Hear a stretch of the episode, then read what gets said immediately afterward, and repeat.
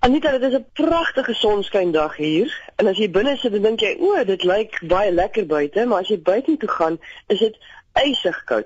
Vroegoggend was dit so -8 geweest, is daarna al 'n bietjie beter. Ek dink ons lê op -4, -3. Maar dit is 'n mooi dag en dit is die perfekte dag vir Nederlanders in die winter. Hulle het almal blink oë want hulle is almal met hulle skaatse uit buite op die mere, op die kanale want alles is natuurlik nog gevries. En hulle weet nie hoe lank die koue daar nog gaan hou nie want hulle voorspel warmer dae vir volgende week, maar hierdie naweek sê hulle kan die Hollanders nog skaats en ek beloof vir jou almal, oud en jonk is op die mere en hulle skaats.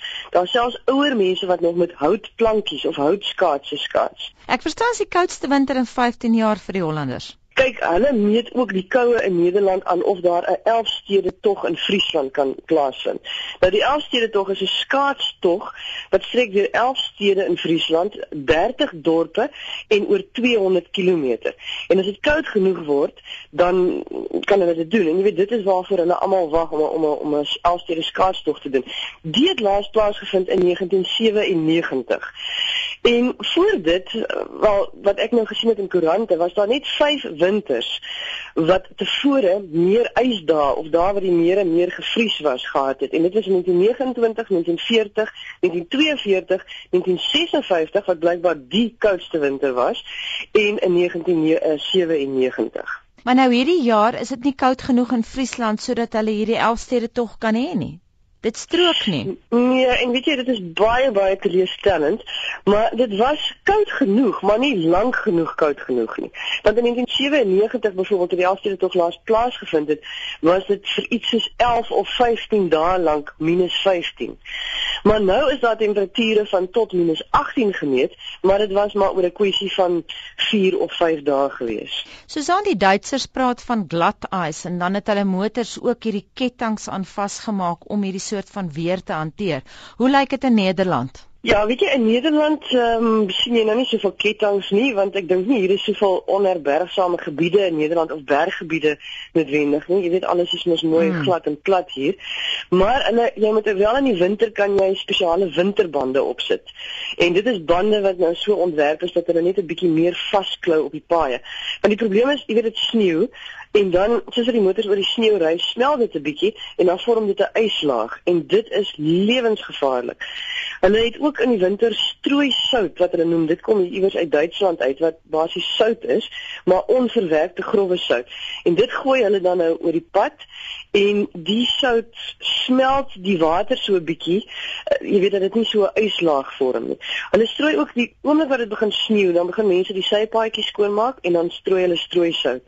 Want ek kan jou verseker, jy stap met jou inkopiesakkie gou-gou supermark toe en dan het jy 5 keer wat jy byna jy weet jy dit lyk soos mense wat 'n vreemde dansie doen soos wat almal gly.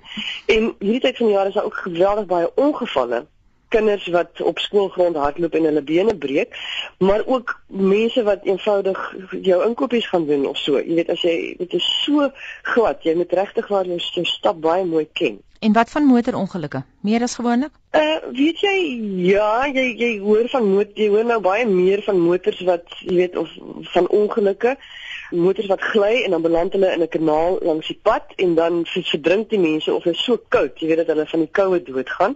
Ek kan nie sê dat dit noodwendig meer is as ander tye nie, maar ek meen jy hoor meer van mense wat in die water beland en as jy nou hierdie tyd van die jaar in die water beland dan is dit klaar met jou. Ook baie mense wat so gretig is dat die mere moet eis of die water moet eis dat hulle dit heeltyd toets.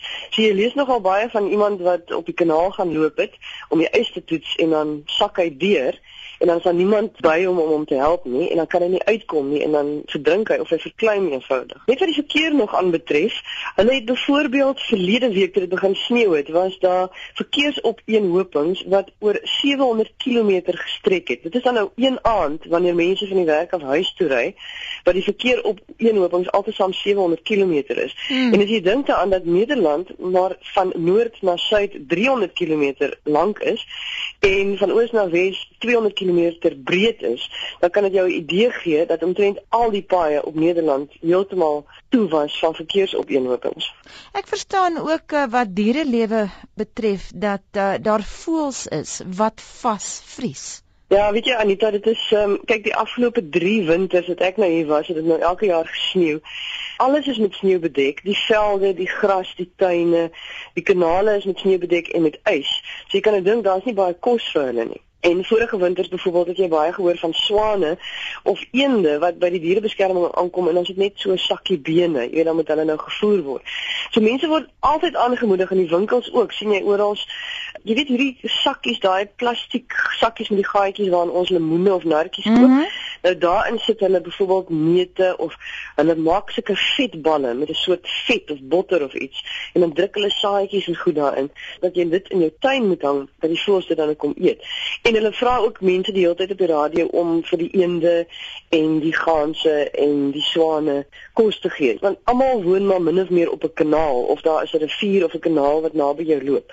So baie sien jy mense wat ou kos of oorskietbrood en dan sit jy ook 'n bietjie botter op, jy, jy sit 'n bietjie olyfolie op dat die dan 'n bietjie vet ook kan inkry.